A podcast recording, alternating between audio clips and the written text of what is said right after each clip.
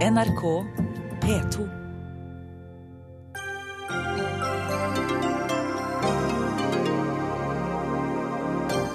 De menneskeskapte klimaendringene er her allerede, og politikerne er bekymra. Så gjør noe, da, krever Miljøpartiet De Grønne. Ibsenprisen til forfatteren Peter Hanke skaper bruduljer pga. støtten hans til Slobodan Milosevic. Trekk prisen tilbake, sier forfatter Øyvind Berg, som møter jurylederen i Dagsnytt 18. Alle kommuner bør ha minst 15 000 innbyggere for å fungere godt, slår ekspertutvalg fast i ny rapport. Kommunereformen starter i feil ende, mener Senterpartiet. Og unge Høyre-ledere vil kutte støtten til folkehøyskolene, men møter store protester. Året på folkehøyskole var det viktigste i livet mitt, sier programleder Solveig Kloppen.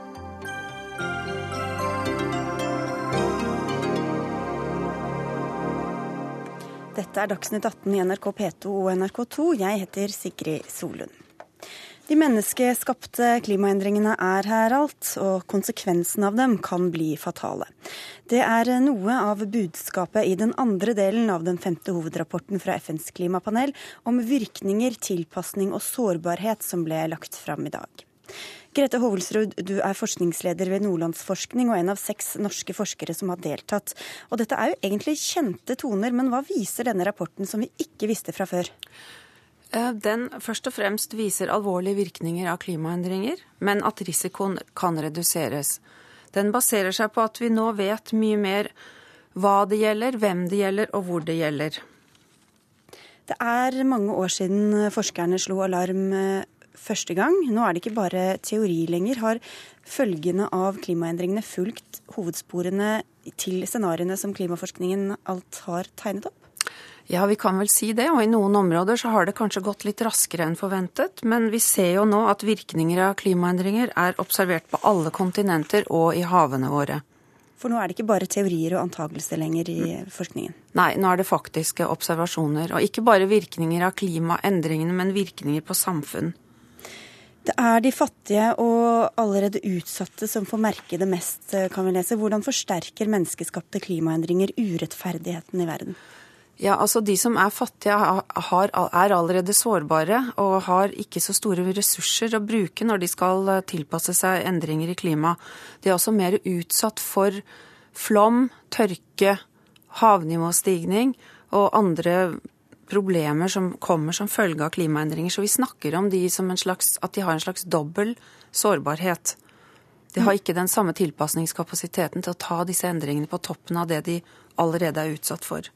Og så vet jo vi allerede, vi som lever i rike land, at det fins fattigdom og krig og elendighet i andre land. Og da er det noen som mener at vi ikke våkner før vi også kjenner endringene på kroppen. Hvordan kommer dette til å merkes for folk i Norge? Ja, I Norge så snakker vi om at eh, det er flom, eller økning av flom og skred og ras. Altså mer ekstremvær, mer nedbør. Som vil komme mer i sånn i bøtter og spann enn eh, jevnt fordelt over året. Vi forventer en økning på en 15% nedbør. Og i tillegg så har vi jo havforsuring, som vil få konsekvenser på kysten og for kystfiskere og andre. Og så har vi en eh, Ja, dette med infrastrukturen vår er jo til dels sårbar for ekstremværhendelser. Og Er dette hendelser som allerede har begynt å hope seg opp, uten at man kan nødvendigvis si at det skyldes klimaendringer i hvert enkelt tilfelle? Ja, det er vanskelig å skille klimavariasjon og, og, enkelte hendelser i været fra klimaendringene noen ganger. Men det er klart at det er et, en trend vi ser, som har vært eh, varslet, for å si det sånn, gjennom disse modellene som vi har brukt eh, på de regionale områdene. Så det er vi vil vel si at trenden stemmer overens med det som modelleringene tilsa. Hva er de største usikkerhetsmomentene for eh, utviklingen i årene som kommer? da? Nei, det er vel i hvilken grad vi klarer å, å kutte utslippene. Ja, Så ikke nødvendigvis følgene av dem? altså...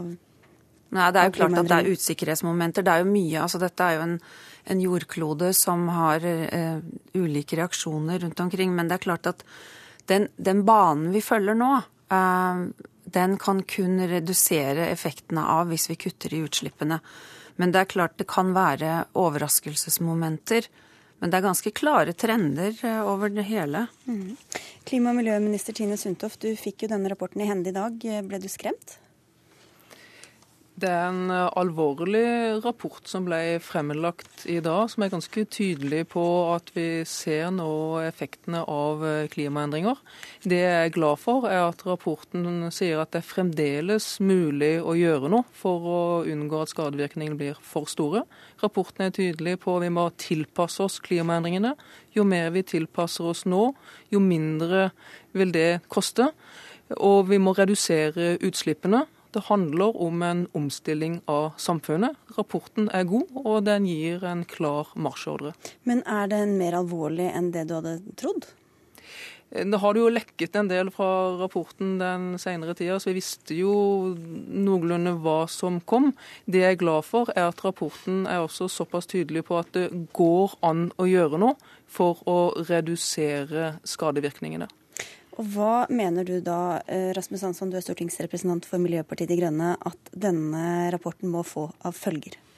Den må jo få som følge at vi begynner å gjøre noe vi ikke har gjort før. Eh, både har vi en eh, klimautvikling i verden som går en helt annen vei enn det som er målet. Den går mot fire grader. Målet er to grader. Og vi har en klimautvikling, klimapolitisk utvikling i Norge som også går gal vei, mens alle andre land rundt oss kutter sine utslipp, så har altså Norge i løpet av de siste åra eh, økt eh, sine utslipp ganske kraftig. Eh, og det skyldes jo at vi lar være å kutte utslipp i Norge. Altså akkurat det som rapporten og Grete Hovelsrud påpekte. Det er et spørsmål om å kutte utslipp. Og det beste ved denne rapporten som er kommet lagt fram i dag, det er jo ikke at vi har fått vite enda en gang eh, hvor gærlig det står til. Eh, det er at klimaministeren og andre har sagt at nå vil de gjøre mer, nå vil de kutte utslipp. Så jeg er jo kjempespent på hvordan klimaministeren nå skal gjøre mer enn alle regjeringer før henne har gjort. Og for første gang altså kutte norske utslipp som ingen andre før det har gjort. Og dette er ikke klimaets år null, det er klimaets år mange og tjue i Norge. Så de tiltakene de må komme fort. Mm, og, hva, og, når, for å spørre om det først, får vi en helhetlig plan fra regjeringa om hvordan dere skal klare å kutte og overoppfylle de, de, det klimaforliket som finnes? I revidert eh, nasjonalbudsjett kommer vi til Stortinget med den internasjonale klimainnsatsen. Og i statsbudsjettet til høsten så kommer vi med hva vi må gjøre nasjonalt. Men vi jobber nå med å sette ned den grønne skattekommisjonen for å vri skatter og avgifter slik at det skal koste å forurense og lønne seg å velge mer miljøvennlige. Så kommer eh, finansministeren til eh, Stortinget 4.4 med Statens pensjonsfond utland, som nå skal bruke mer på Eh, miljøvennlige investeringer. Vi jobber med skattefradrag for enøk-investeringer i hjemmet. Og vi jobber med å en samfunnsomlegging, mer urbanisering, hvor du reduserer veitrafikken i byene, mer over på gange, sykkel og kollektivtrafikk. Litt av utfordringen er at vi, eh, det haster fram til 2020. Det viste den rapporten som jeg ba om, som vi fikk fra Miljødirektoratet tidligere denne måneden. Vi har et gap på 8 millioner tonn for å nå det som klimaforliket var enige om. Det er fram til 2020. Det haster å komme i gang med. Men det er vel så viktig hvordan vi tenker langsiktig fram til lavutslippssamfunnet. Det krever en omfattende klimaforståelse. Og jeg tror at den rapporten i dag er bra i så måte. Den, den, den, det er viktig at, at ikke pessimisten nå overtar dette. her. Vi må ikke vise handlingslammelse nå, for det at rapporten viser vi må gjøre tiltak også nasjonalt. Den debatten har vi bidratt til å få til i Norge nå. Ja, så Spørsmålet er jo da med henvisning i første gang til de åtte millioner tonnene som vi faktisk skal kutte på eh, disse seks åra som er et kuttnivå som ingen andre norske regjeringer har vært i nærheten av. Og det spørsmålet som, som klimaministeren nå må svare veldig fort på, det er hvordan skal du kutte eh, de åtte millioner tonnene? Det er 1,2 millioner tonn i året. 1,2 millioner tonn i år. 1,2 millioner tonn til neste år. Når skal du kutte utslippene fra Mongstad, som er en million tonn eller to? Når skal du kutte utslippene fra Snøhvit, som er en million tonn til? Når skal du kutte utslippene fra Brevik, som er en halv million tonn? Når skal du kutte de svære utslippene på sokkelen, som eh, øker?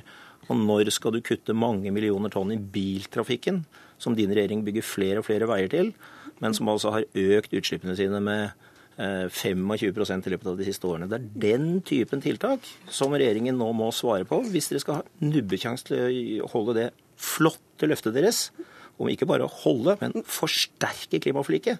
Kom igjen, Sundtoft. Ja, Nå kom det mange spørsmål til deg, Sundtoft. Har du svar på noen av dem, da? Ja, det har jeg. Eh, vi bruker mer på jernbanebevilgning i år enn det har vært brukt før. Vi jobber med å få kraft fra land ut til Utsirahøyden.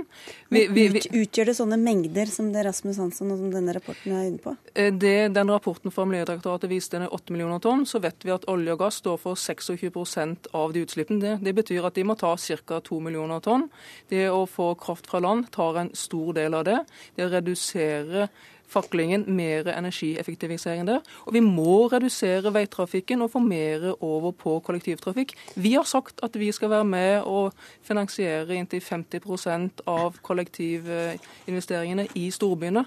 Eh, vi klarer ikke å ta 1,2 millioner tonn i år og så neste år, men det er viktig i rundt 2020 at vi er der vi skal være. Men det aller viktigste er det langsiktige også etter 2020. Der får vi også en ny rapport fra Miljødirektoratet til høsten som viser den videre veien. Vi tar dette på alvor. Og, og nå er det jo sånn i klimapolitikken at vi står ansvarlig for de utslippene som kommer i Norge, samtidig som vi eksporterer veldig mange utslipp andre steder som ikke vi står ansvarlig for i regnskapet når vi eksporterer så mye olje og gass.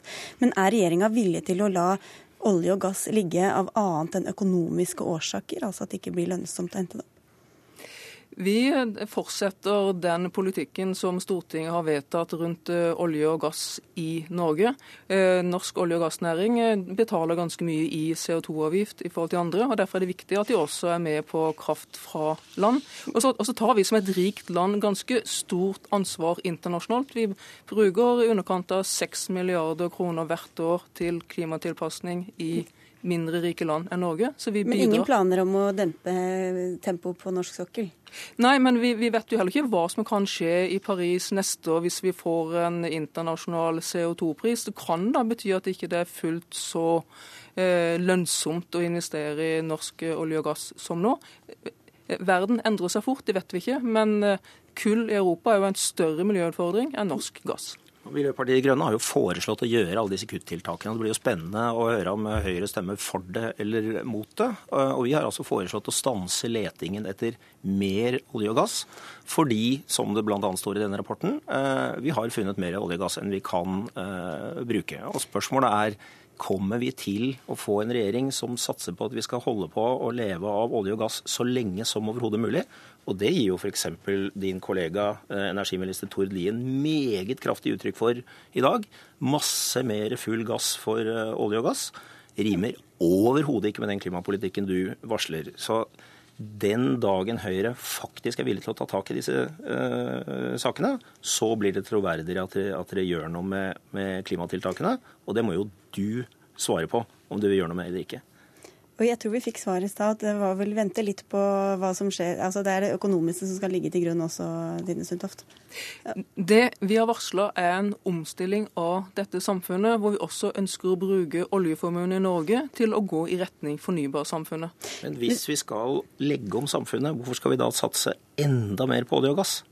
Men vi satser jo ikke enda mer på jo, olje og gass utover det, ikke utover det Stortinget har vedtatt at vi skal ha på dette. Ja, men Dere satser jo enda flere penger på ny uh, olje- og gassvirksomhet, og dere kommer sannsynligvis til å ta enda mer penger fra oljefondet uh, og gjøre oss enda mer oljeavhengige.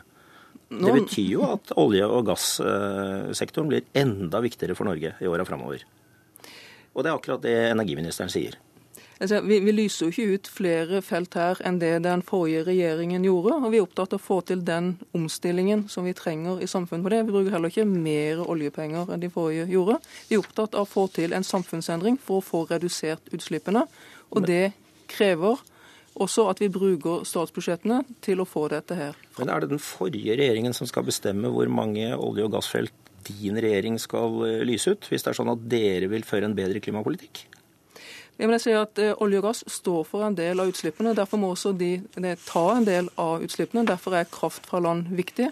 Og Vi vet heller ikke hva som skjer internasjonalt nå med en CO2-pris. Så vi får se hvordan eh, olje og gass vil utvikle seg i årene som kommer. Vi skal få uh, Hovelsrud helt på slutten her.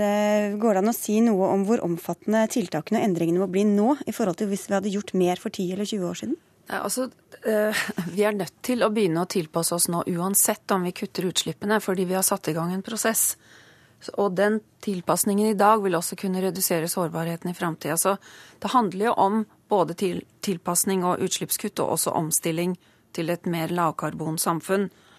Og det denne rapporten viser, er jo del oppløftende i forhold til tilpasning, at vi skjønner mye mer om hvordan det kan gjøres. I forhold til involvering av interessegrupper, inkludere ulike kunnskapskilder, forståelse for folk og grupper som har forskjellige verdier og normer osv. Så, videre. så det er Vi må tenke på flere ting samtidig her, samtidig som vi diskuterer utslippskuttene. Da får alle gå hjem og lese. Vi må si takk i denne omgang til, eh, til dere tre, Rasmus Hansson, Tine Sundtoft og Grete Hovelsrud. Og om litt her i Dagsnytt 18 skal vi komme tilbake til ett mulig virkemiddel, nemlig forbud mot alle bensin- og dieselbiler. Dagsnytt 18 alle hverdager klokka 18.00 på NRK P2 og NRK2.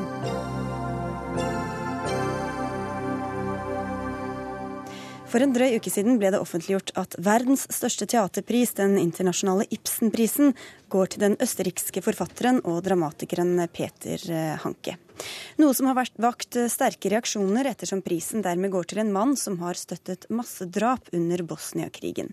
Og du er en av dem som har rista på hodet over denne tildelingen, forfatter Øyvind Berg. Hva har han gjort som er uforenlig med å få denne Ibsen-prisen, mener du? Ja, jeg hører dere meg godt der? Vi hører deg. Ja, godt. Eh, og så vil jeg gjerne understreke først at det er jo ingen som er imot at Peter Hanke skal få uttrykke seg. Jeg har selv oversatt Peter Hanke for Nationaltheatret, og det er ikke hans uttrykksbehov vi Nei. meg og mange andre i både inn- og utland reagerer mot. Mm. Det er det at man skal gi Kulturdepartementets høyeste utmerkelse til en mann som gjennom mange skrifter har tilkjennegitt en revisjonistisk historieforståelse, dvs. Si at han gjorde gjerningsmenn til ofre og ofre til gjerningsmenn.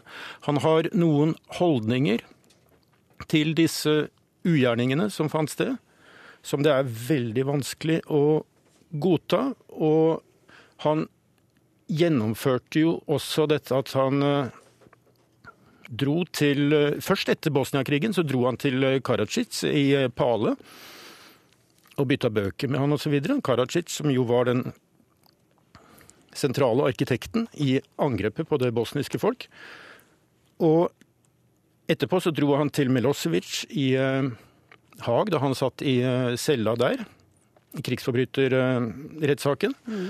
Og han dro til Beograd og talte i Milosevics begravelse. Og der hånet han bl.a. verdensmediene fordi at de holdt seg unna.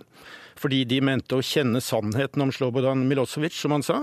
Om seg selv så sa han derimot at han kjenner ikke sannheten, og han la til men jeg ser, jeg føler, jeg minnes, derfor er jeg til stede her i dag tett på Jugoslavia, tett på Serbia, tett på Slobodan Milosevic. Og til dette så var det da titusener av ultranasjonalister som jubla. Og Hanke visste utmerket godt hva han gjorde, selvfølgelig. Han er en ordets mann. Og gjennom disse ordene så, og denne handlingen så tråkka han på hundretusenvis av ofre, på millioner som var drevet på flukt. Og det er en tale som på alle måter er parallell med Hamsuns eh, nekrolog over Adolf Hitler. Så hvis man, unnskyld, eh, hvis man skulle ha gitt ham en pris, så burde man kalt prisen Hamsun-prisen, selvfølgelig. Men selv 70 år etter krigen så ville en Hamsun-pris vært kontroversiell i seg selv. Og Du, du, skal, få, du, skal, ja? du skal, komme tilbake, Øyvind Berg. Vi skal bare slippe til også juryleder eh, Per Boje Hansen som sitter her i studio. Hva, hva synes du om denne kritikken fra Berg og andre med ham?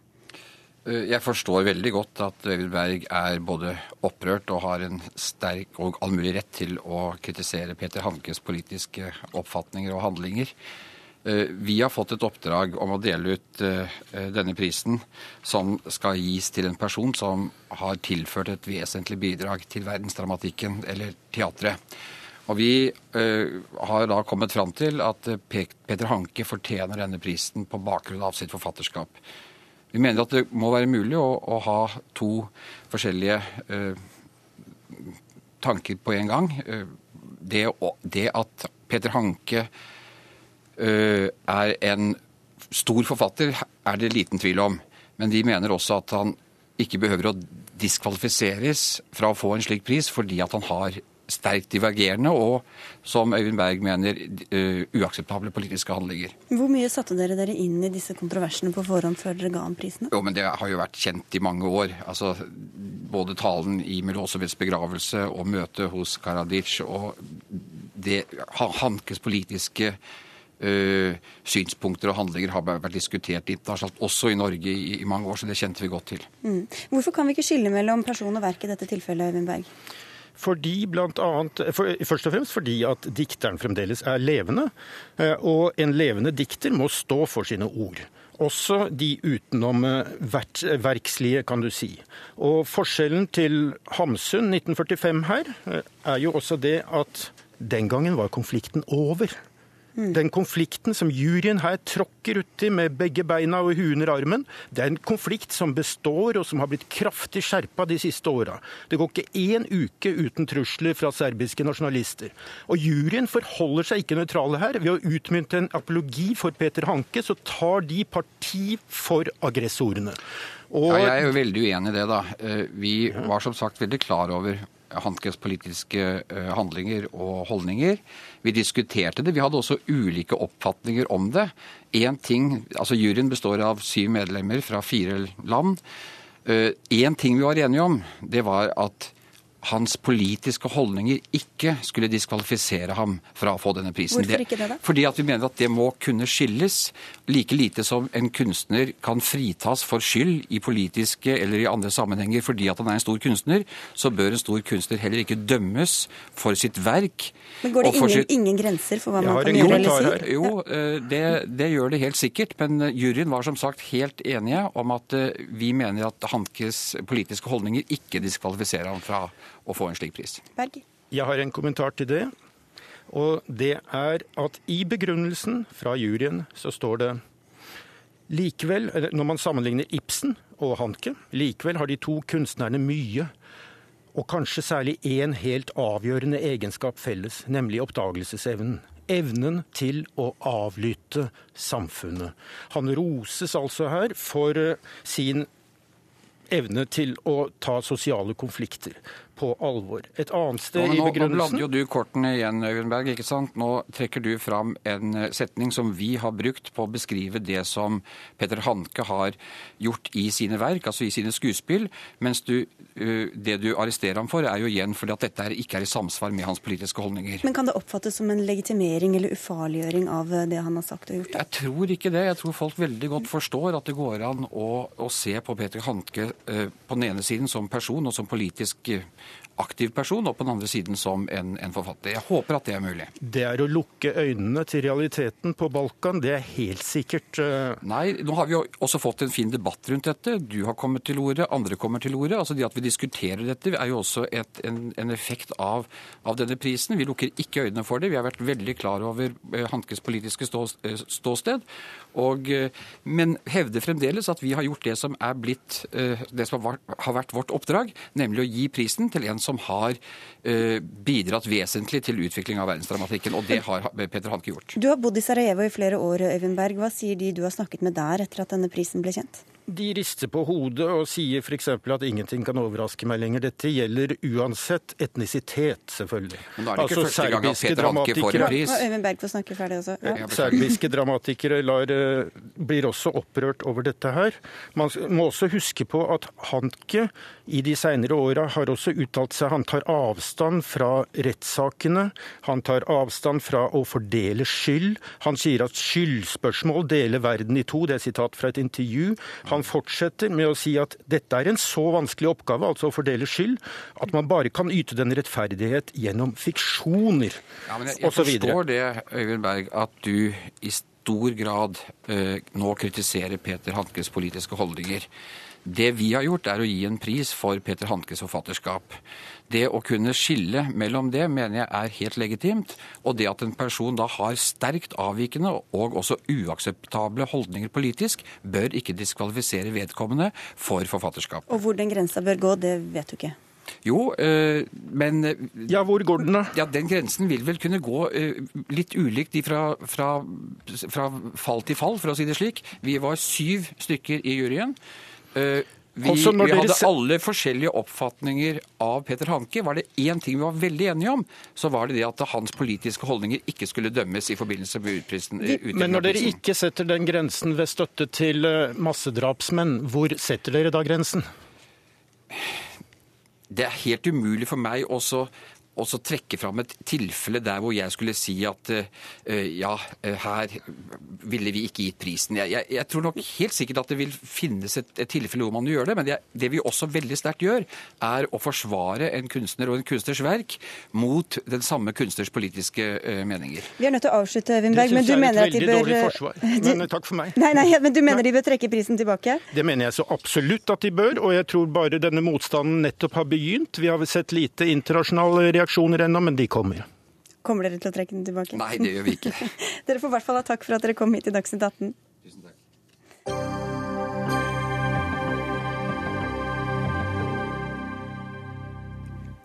Og da tar vi opp igjen eh, klima- og miljøtråden fra begynnelsen av eh, sendinga. Hver morgen og hver ettermiddag står en kø av biler inn og ut av hovedstaden. Nå frykter Oslo Arbeiderparti at køene blir enda lengre og forurensninga tilsvarende verre når eh, veiene inn til byen skal utvides. I helga vedtok lokalpartiet å forby bensin- og dieselbiler, men ikke før om 21 år, altså i 2035. Og hvorfor skal dere vente så lenge, Jan Bøhler? Det er fordi at vi ønsker å fase ut de nåværende forurensende bilene. Og det må folk få tid til å omstille seg og ta i bruk ny teknologi. Vi ser at 10% av nybilsalget nå er elbiler, og det er veldig positivt. Så kommer det nå nye modeller av hydrogenbiler og annet, så vi tror at den utviklingen vil skyte fart. Men vi ønsker å, å, stimulere den bedre ved å ha en deadline i framtida, sånn at folk kan omstille seg. Så må vi gjøre mye annet. altså Vi må ha utbygging av kollektivtrafikken, så du får gode alternativer. Der trenger vi bedre tiltak. Vi trenger ikke en sterkere veiutbygging inn mot Oslo, som det er planlagt for mye av. Så vi ønsker en reforhandling av de planene. Så det er mange ting som går hånd i hånd, men det vi har hatt for lite fokus på Vi har snakket mye om klima, som er veldig viktig, men vi har hatt lite fokus på den lokale helseskadelige forurensningen. Og den, når det gjelder det som heter nitrogendioksid, så har den økt mye nå i de senere årene. Ja, og den er eh, svært eh, farlig for helsa luftveissykdommer, hjerte-karsykdommer, kreft osv den lå, eh, altså På de målestasjonene vi har, så lå den i fjor 50% over det, altså Årsmiddelsgjennomsnittet lå 50% over grenseverdiene. sånn at vi trenger å ta dette mer på alvor. Nå kunne jeg jo minne om hvem, hvilken regjering som la om avgiftene som Ja, Det vil jeg gjerne si med en gang, at det har ikke noe god idé, det som er gjort der. Så det er, men vi må likevel gjøre noe nå. Vi kan ikke bare la situasjonen fortsette, selv om det var eh, ikke bra. Nei, vi går ikke inn i det. Carl I. Hagen, du er nestleder i samferdsel- og miljøkomiteen i Oslo bystyre, og du fortalte oss tidligere i dag at dette får deg til å trekke litt på smilebåndet. Hvorfor det? Ja, vi snakker om 2035, så blir jo dette symbolpolitikk. Eh, det som gjelder NOx, altså redusering av nitronoxen, den, den er, det er positivt å få gjort. Og der er det en rivende utvikling teknologisk, og også pga. EU som lager standarder og strengere krav. Hva Norge gjør og lille Oslo gjør for å påvirke bilfabrikanter, jo, spiller ingen rolle i det hele tatt. så Derfor blir dette bare symbolpolitikk. Det har ingen praktiske virkninger. Men det går stadig vekk i riktigere retning, og det er nye motorer som kommer og reduserer. Når det gjelder klima, så syns jeg viste en artikkel fra Dagfinn Danielsen som nå er kommet, og hvor han sier at elbilen er faktisk miljøverstingene når du ser totaliteten. Og det at vi bruker elektrisitet, det hjelper jo ikke hvis du bygger stadig nye kullkraftverk. Og der er det en lang debatt som vi har hatt mange ganger. lang Debatt, men, men det at elbiler er noe miljøvennlig eller noe sånt, det er altså ikke riktig hvis man går inn i det og ser det logiske. Men, fordi der er totale CO2-utslipp fra få den produsert, frakte elektrisiteten osv. større. Så det er altså et helt, helt uenig i det. Men, men, men NOx-en må vi få ned. og, og der... Eh, ja, med diesel og alt det der. Men, men ut fra det du sa først, så høres det ut som du er egentlig mer utålmodig, at det er symbolpolitikk fordi det ligger så langt fram i tid? Nei, det går i riktig retning. Hva, hva, vi gjør i Oslo spiller ingen rolle når det gjelder den teknologiske utviklingen. Og, og jeg tror faktisk at det, der vi er enige, det er å bygge ut kollektiv. og Derfor har i hvert fall den nye regjeringen økt tilskuddene til de store byene i forhold til den foregående regjeringen. Men å bygge ut kollektiv. Men det er veldig mange mennesker som ikke kan ta bussen med barna i barnehagen, som ikke har en busslinje eller T-banelinje. Eh, så jeg hjelper det ikke. Jeg tror veldig få kjører rundt for moro skyld. De gjør det fordi det er nødvendig. Og denne hetsingen mot de som bruker bil, den er jeg helt uenig i. Vi skal slippe til ansvarlig samferdselsbyråd, men du skal få svare aller først, Jan Bøhler. Ja, jeg hetser ikke de som bruker bil. Altså, det vi vil ha er Jeg skjønner at noen må bruke bil, også i framtida, men da vil vi ha miljøvennlige biler, altså nullutslippsbiler. Og så er det en ting som Carl I sier, som jeg bare må påpeke, det er at eh, han sier at det betyr ikke noe hva lille Norge gjør. Men her gjelder det altså lokale utslipp i Oslo av helseskadelig forurensning som rammer lokalt i Oslo. Og Der betyr det mye hva vi gjør. Ja, og der, og der denne pakka mi skal virke. Men det er CO2-en som ikke har noen betydning. Og så vil vi ha mange positive tiltak underveis som jeg kan komme tilbake til, men om vi hører på byråden Vi må det, vet du. Guri Melby, du er eh, byråd for miljø og samferdsel eh, i Oslo og sitter med makta her. Hva syns du om forslaget? Nei, eh, Dersom Oslo Arbeiderparti nå har tenkt å bli en alliert i miljøpolitikken, så er jeg veldig glad for det. Og jeg vil ønske dem velkommen etter. Eh, men når det er sagt, så har jeg egentlig to hovedinnvendinger mot eh, det som jeg har lest fra det vedtaket fra Oslo Arbeiderparti. For det første så synes jeg jo at 2035 kanskje er litt slapt, og jeg tror at den teknologiske utviklinga egentlig vil føre oss dit i god tid innen den tid uansett. Og for det andre så mener jeg at den er litt prega av litt sånn luftige mål og visjoner og veldig lite konkret handling. Og jeg tror at det siste vi trenger i norsk miljøpolitikk nå, det er nye mål eh, og nye ambisjoner. Det vi trenger, det er konkrete tiltak. Og det er det jeg forsøker å gjøre hver dag i jobben som samferdselsbyråd. Og jeg mener jo at i Oslo så gjennomfører vi en politikk i dag eh, som langt på vei oppfyller mye av det Jan Bøhler etterlyser. Vi har en strategi for å utvikle nye nullutslippskjøretøy. Vi har blitt verdens elbilhovedstad, bl.a. ved at vi har satsa på utbygging av infrastruktur.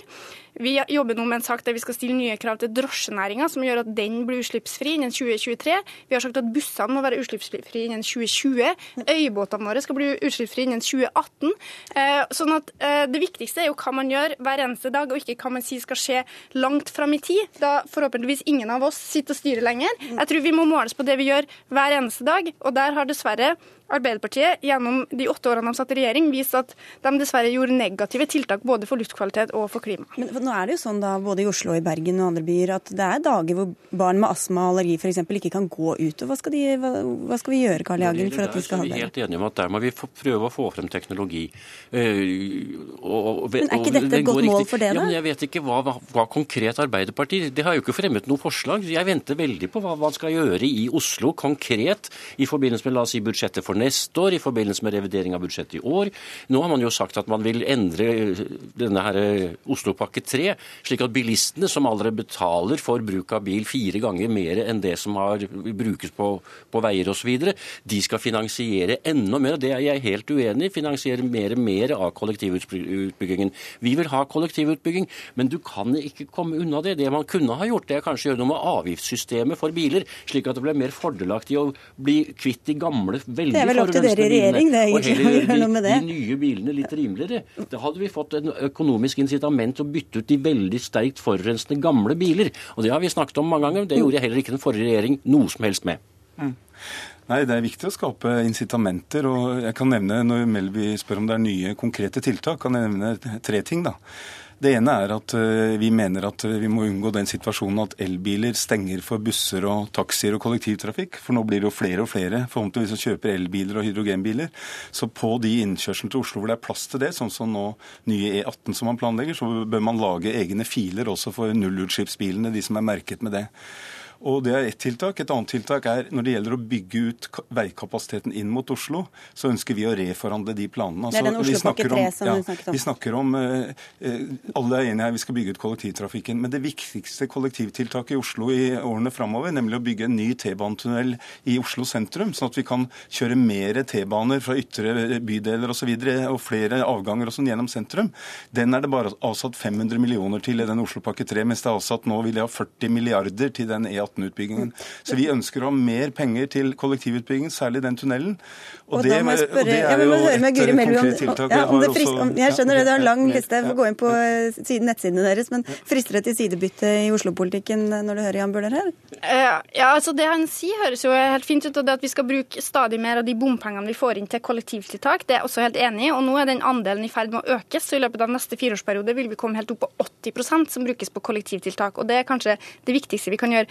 Men eh, det, er litt, det, er kanskje litt synd å trekke fram gamle synder, men det er litt sånn at historikken virker litt mot Jan Bøhler her. For jeg mener at Arbeiderpartiet har vært ansvarlig for det ene tiltaket som har skapt mest luftforurensning i norske byer, og det er å sette ned dieselavgifta. Ja, det, det, har gitt oss mer utslipp av NOx. Og det som er litt synd, er at vi har foreslått tiltak som vi kan gjennomføre i Oslo for å få ned disse utslippene. Vi, bedt, vi ba den rød-grønne regjeringa om lov til å innføre såkalt lavutslippssoner, sånn at ikke de forurensende kjøretøyene slipper inn i sentrum. Det har vi foreslått, vi. Men Samferdselsdepartementet de orka ikke engang å svare. Vi har foreslått også dieselforbud. De, de, på de aller aller verste dagene, slik at det er mulig for allergikere å gå ut i byen. Det sa de heller ikke ja til. Det... Så Derfor så mener jeg at det er ganske lite troverdighet bak denne nye satsinga, og det hjelper ingen i dag at det blir miljøvennlig i 2035. Nei, men det er, det er egentlig det er Carl I. Hagen som er hotline inn til den ansvarlige samferdselsministeren nå, da?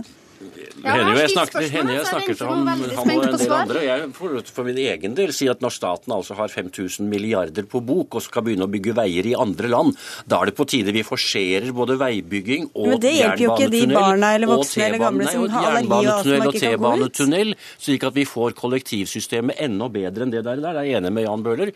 Og Der får i hvert fall den nye regjeringen større tilskudd til de store byer, og tar bl.a. 50% av T-bane ut til Fornebu. Så der er det bedre løfter fra den nye regjeringen. Men jeg skulle ønske vi kunne bruke mye mer. Og nå er det ledig arbeidskraft over hele Europa. Vi kunne få et dramatisk økning i infrastrukturinvesteringene. Og da håper jeg at regjeringen viser det når det kommer til budsjettet. Jeg tror du snakker om tre forskjellige ting her. Det viktigste er at vi er villige til å gjøre konkrete tiltak her og nå. At vi er villige til å både innføre restriktive virkemidler, og at vi også er villige til å gi positive virkemidler. Vi har satsa massivt på kollektivtrafikk, mm. og det har gitt en positiv overgang fra bilbruk til kollektivtrafikk. Men så ønsker vi også noen restriktive tiltak. De rød-grønne sa nei. Nå håper jeg at deres regjering sier. Ok, Du får få to sekunder på slutten, Jan Bøhler. Ja, altså jeg synes det blir så synd når man diskuterer forslag om hvordan vi kan gjøre ting bedre. At man hele tida skal sitte med ja, dere sa det da, dere sa det da. Altså Det er sånn typisk politikerkrangel. Vi har foreslått at vi blir enige om en deadline, og så setter inn en del både restriktive tiltak, men også positive tiltak fram til det. I det så ligger det bl.a. miljøgraderte avgifter i bompengeringen, som gjør at de som forurenser mest der, betaler mest, og de som gjør minst, forurenser minst, betaler minst. Sånn at man kan få en gradvis utvikling i denne retningen. Vi mener vi trenger sterkere tiltak for det. Okay, så kan det... Venstre snakke om hva Arbeiderpartiet har gjort gærent før, men nå har altså Arbeiderpartiets årsmøte i Oslo eh, lansert en ny politikk, og så skulle jeg ønske at man kunne diskutere det, og ikke hva som skjedde i 2006. Det er nytt for Arbeiderpartiet, men det er ikke noe nytt for oss andre, det dere foreslår. ok, Dere får ta den på vei ut av studio. Takk for at dere kom hit til Dagsnytt 18, Jan Bøhler, Carl I. Hagen og Guri Melby.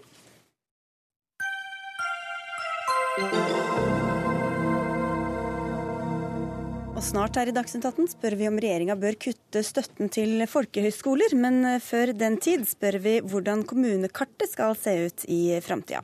I dag fikk kommunal- og moderniseringsminister Jan Tore Sanner overlevert den første rapporten han har bestilt om kommunestrukturen i Norge. Ekspertutvalget konkluderte bl.a. med at alle kommuner bør ha minst 15 000-20 000 innbyggere. Og hvorfor det, utvalgsleder Signe Irene Wabo? Utvalget har tatt utgangspunkt i at alle norske kommuner skal uh, løse de samme oppgaver. Og med utgangspunkt i oppgaveporteføljen så har vi uh, sett på hva slags fagmiljøer som skal til.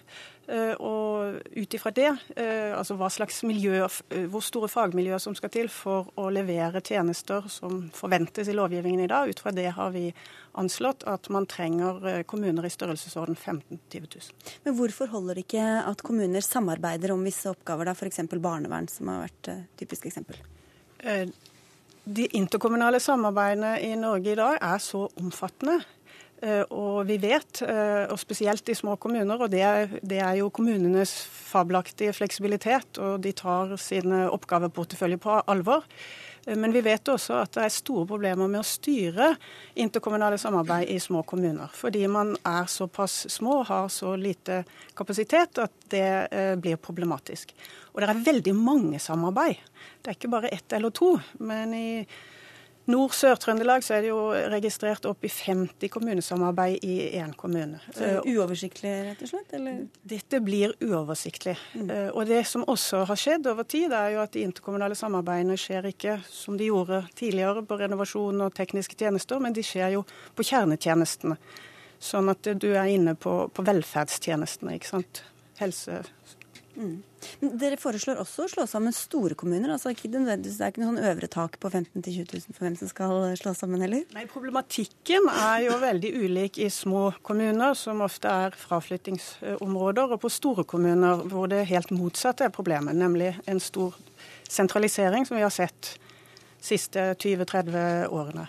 Eh, og Der er det jo problemet at kommunegrensene, altså folk bor på et vis utenfor kommunegrensene fordi du får pendlingsområder som går langt ut over byens administrative grenser.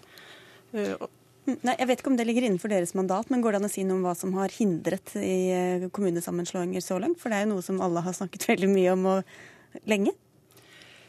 Eh, det ligger utenfor vårt mandat, men det er klart dette er noe av det mest kontroversielle spørsmålet man reiser i norsk eh, kommunedebatt. Ja. Og, og, da er vi inne på virkemidlene. Hva Går det an å si noe hva som skal til for å få dette tallet ned til 100, da, som dere foreslår? Fra 428 er det vel i dag? Det har jo ikke ligget i vårt mandat, så det er vel de kommende politiske prosesser som skal avgjøre det. Da får vi høre med deg først, eh, Heidi Greni. Du er stortingsrepresentant for Senterpartiet, men du har permisjon som ordfører i eh, Holtålen i Sør-Trøndelag med drøyt 2000 innbyggere. og Hvis dette blir virkelig, så må du levere inn ordførerkjedet ditt? Ja, Nå har jeg fire timers erfaring som ordfører, så jeg vet ikke om jeg skal skryte på meg så mye av det. Men eh, Eh, for å ta det eksempelet, så vil vi jo da, hvis du skulle ha 20 000 innbyggere, så ville vi ha en kommune som går fra svenskegrensa og til Trondheim grense. En kommune som det da er 15-20 mil å kjøre gjennom, og alle som har bodd i en distriktskommune og har erfaring derifra, vet at det ville vært helt ugjennomførlig. Mm. Det ville vært ødeleggende for tjenesteproduksjon og ikke minst for lokaldemokratiet. Kommunal- og moderniseringsminister Jan Tore Sanner, du fikk altså overlevert denne rapporten i dag. Hvor mye av det kunne du umiddelbart skrive under på at du var enig i? Dette er jo en veldig eh, godt begrunnet faglig utredning. Det er eh, Norges fremste eksperter på kommunal forvaltning som sittet i ekspertutvalget. I tillegg to rådmenn fra relativt små kommuner med lang erfaring. Eh, og i tillegg har det vært en referansegruppe med ordførere fra nord til sør og fra øst til vest. Og det jeg synes at denne rapporten veldig godt underbygger, det er at makt har blitt sentralisert i Norge. Gjennom, eh, som Signy Vabo er inne på, et eh, virvar av kommunale samarbeid og selskap, som innebærer at man gradvis har svekket det lokale selvstyret, og at det har fått mer statlig detaljstyring. Slik at selv om kommunene har fått flere oppgaver, så har makten allikevel blitt flyttet ut av kommunestyresalen. Og det jeg er veldig opptatt av, det er at denne debatten skal handle om tjenestene til innbyggerne gode skoler, trygge barnehaver, god eldreomsorg.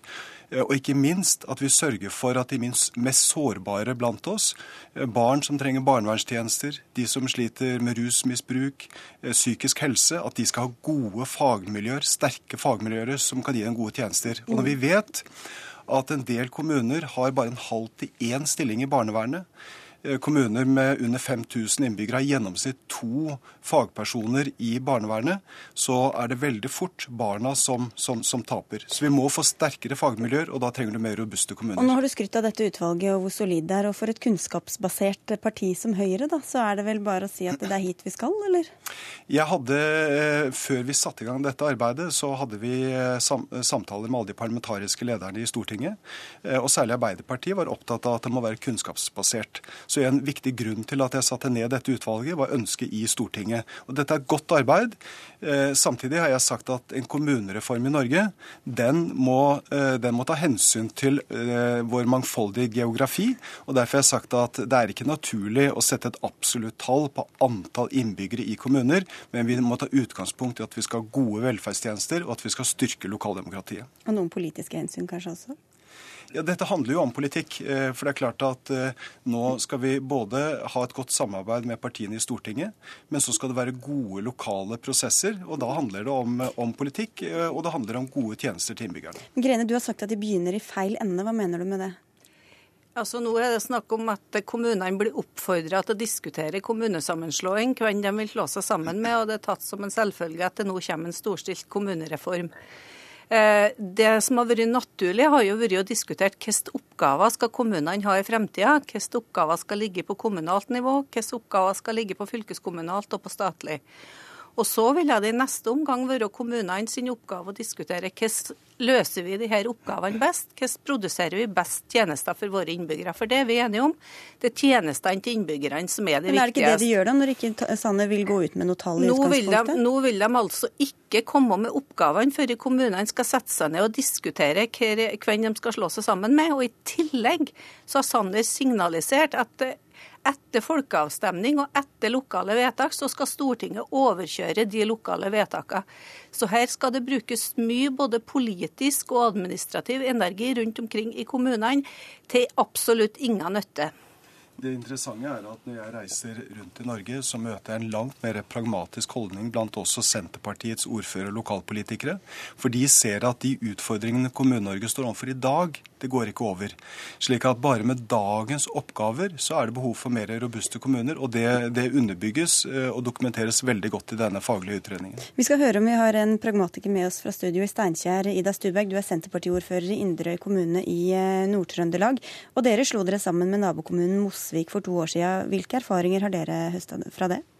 Eh, vi har høsta positive erfaringer fra det. Eh, Dette var en prosess som starta like før jul i 2009, hvor begge de to gamle kommunestyrene vedtok å gå i gang med utredning. Og Så gikk det utover nyåret med en utredningsprosess med telemarksforskning, i tillegg til at det parallelt foregikk et arbeid med administrativ og politisk ledelse i de to gamle kommunene. Eh, det de forhandla om, det var en såkalt intensjonsplan som sa noen ting om eh, hva den nye kommunen skulle ha for slags hovedmål og delmål, hva som skulle være lokalisert hvor. Bl.a. blant annet var det veldig viktig at det i Mosvika fortsatt skulle være barneskole, barnehage og sykehjem, og det er jo ivaretatt i denne intensjonsplanen. Og så ga vi garanti for at ingen ansatte skulle miste jobben som en følge av denne sammenslåinga, som òg var veldig viktig. Mm.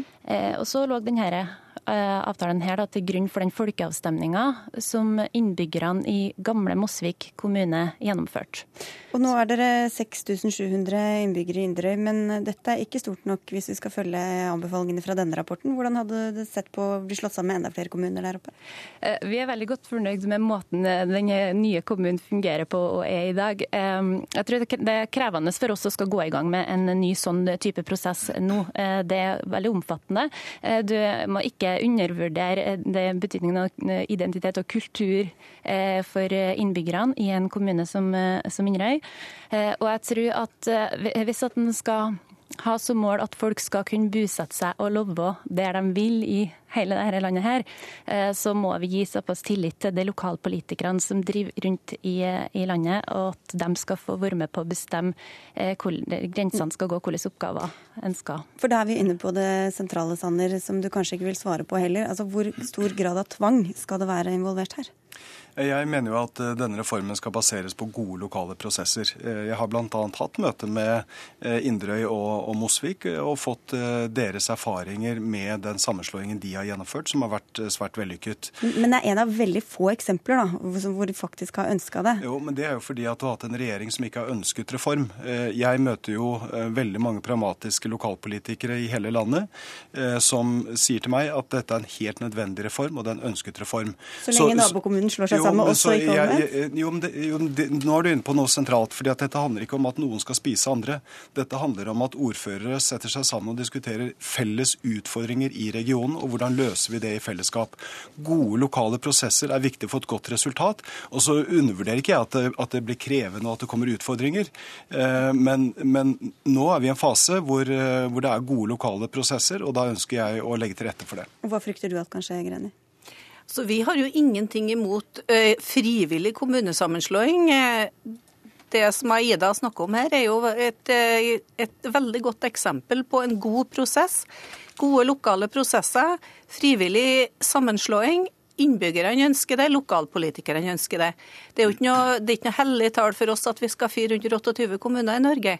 Men det må være lokalpolitikerne som ønsker det, og som tar den endelige avgjørelsen når det gjelder kommunesammenslåing.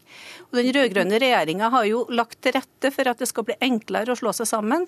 Eh, eh, vi innførte at vi betaler utgift, utgiftene med det, og eh, vi har, har forlenga inndelingstilskuddet eller tida du beholder det. Så vi har jo virkelig lagt til rette for det. Men okay, det må skje at det er lokale prosesser. Det skjer jo ikke så veldig stor grad, nå er vi nødt til å avslutte sammen, men kan det være aktuelt når etter en folkeavstemning f.eks. å si ja, vi slår dere sammen selv om dere egentlig ikke vil? Jeg har sagt at hvis det er tre kommuner som sier ja, og den fjerde sier nei, så mener jeg at eh, Stortinget må kunne, kunne skjære igjennom. Én kommune bør ikke kunne stoppe en eh, fornuftig lokal eh, prosess. For dette handler som sagt om å styrke lokaldemokratiet og, god, og gi gode velferdstjenester. Og denne reformen blir gjennomført, og vi skal få til i denne perioden. Vi får si takk i denne omgang. Vi kommer garantert tilbake til dette temaet. Signe Irene Vabo, Jan Tore Sanner, Heidi Greni og Ida Stuberg. Hør Dagsnytt 18 når du vil. Radio NRK Radio.nrk.no.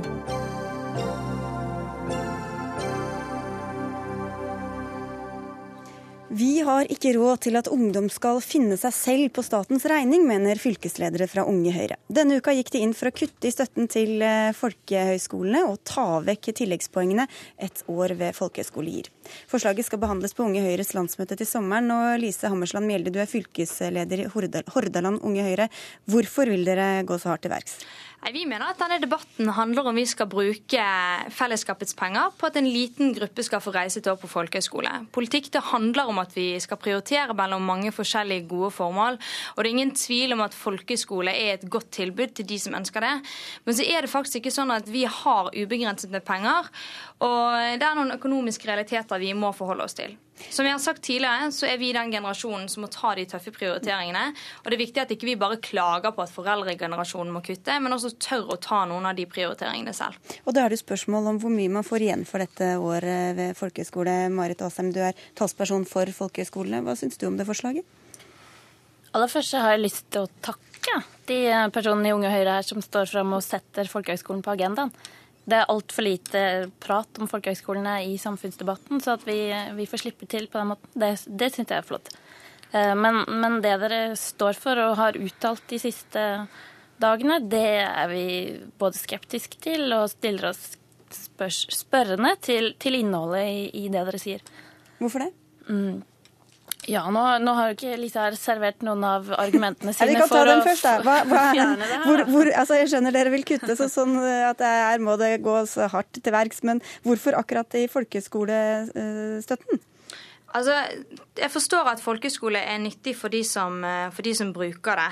Men jeg har lyst til å stille et spørsmål. og det, det er litt sånn for det, det, er snakk om at en bruker ganske mye penger på det. At det er få som får muligheten til å reise på folkeskole. Eh, jeg ønsker at vi skal bruke disse pengene for å sørge for at alle får muligheten til ja, man får bedre rådgivning på skolen, sånn at man får muligheten til å ta et, et bedre studievalg.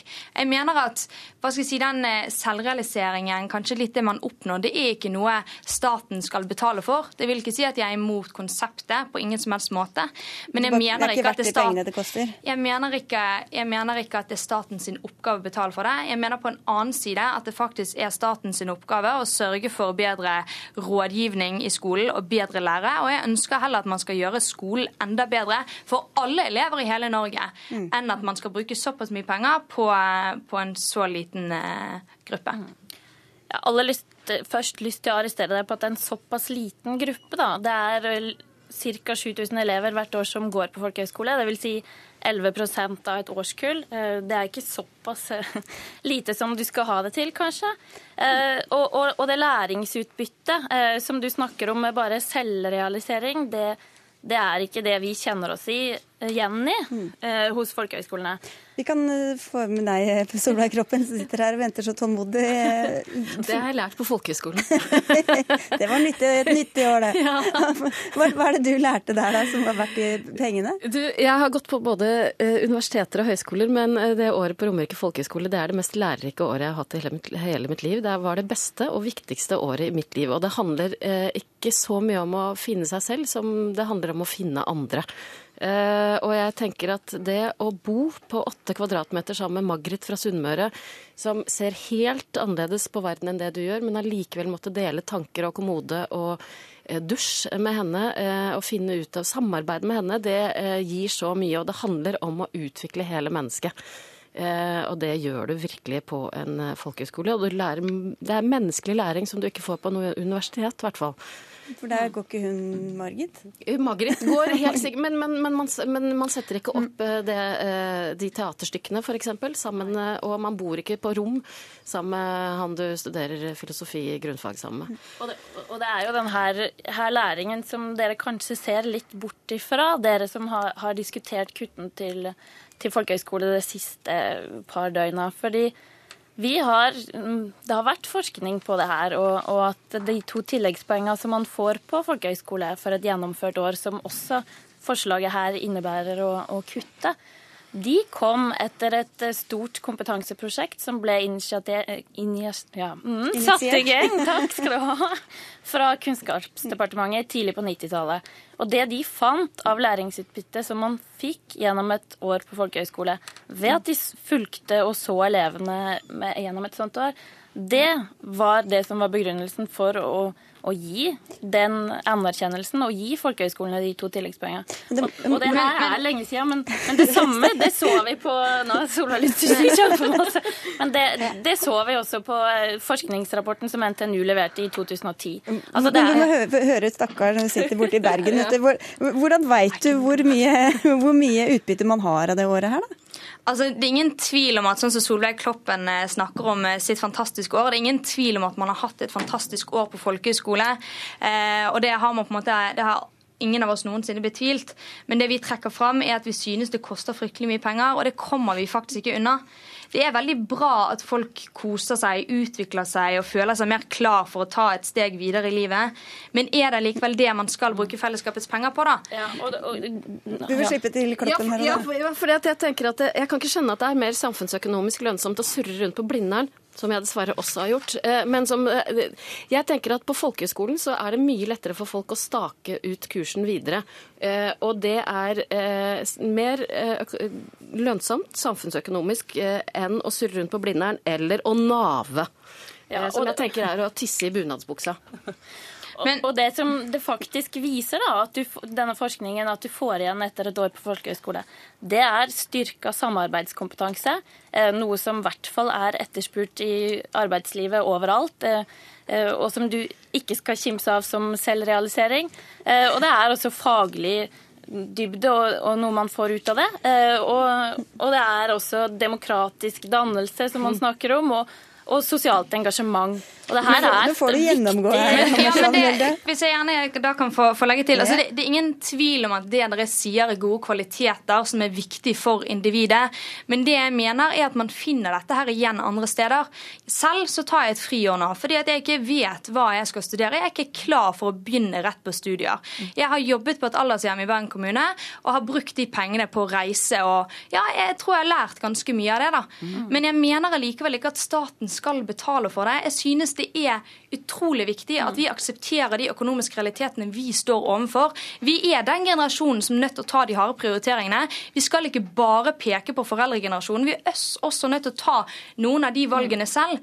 Og da mener jeg oppriktig at et år på folkehøyskole ikke er statens oppgave. Jeg mener at det ikke er viktigere å prioritere enn å sørge for at alle barn og unge i Norge får en bedre rådgivningstjeneste, sånn at alle får muligheten til å skape den fremtiden de selv vil.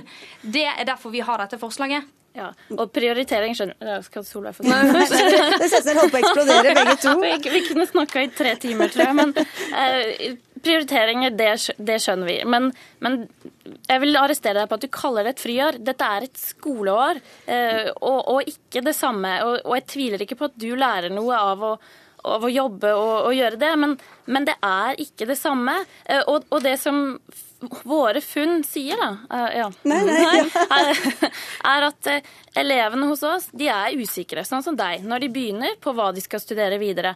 Men etter fullført folkehøyskoleår så er 95% av de 7000 elevene sikre på hva de vil, og går så videre ut i utdanning. Det er besparelse. og, du vil, og du vil tvinge dine barn inn på folkehøyskole også? Mine barn skal gå på folkehøyskole om de vil det eller ikke. Vi får si tusen takk. For, vet du, du beklager så mye, altså. Vi har ikke mer tid.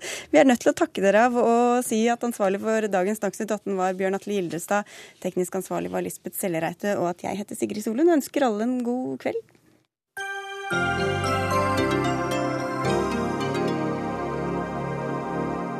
Hør flere podkaster på nrk.no podkast.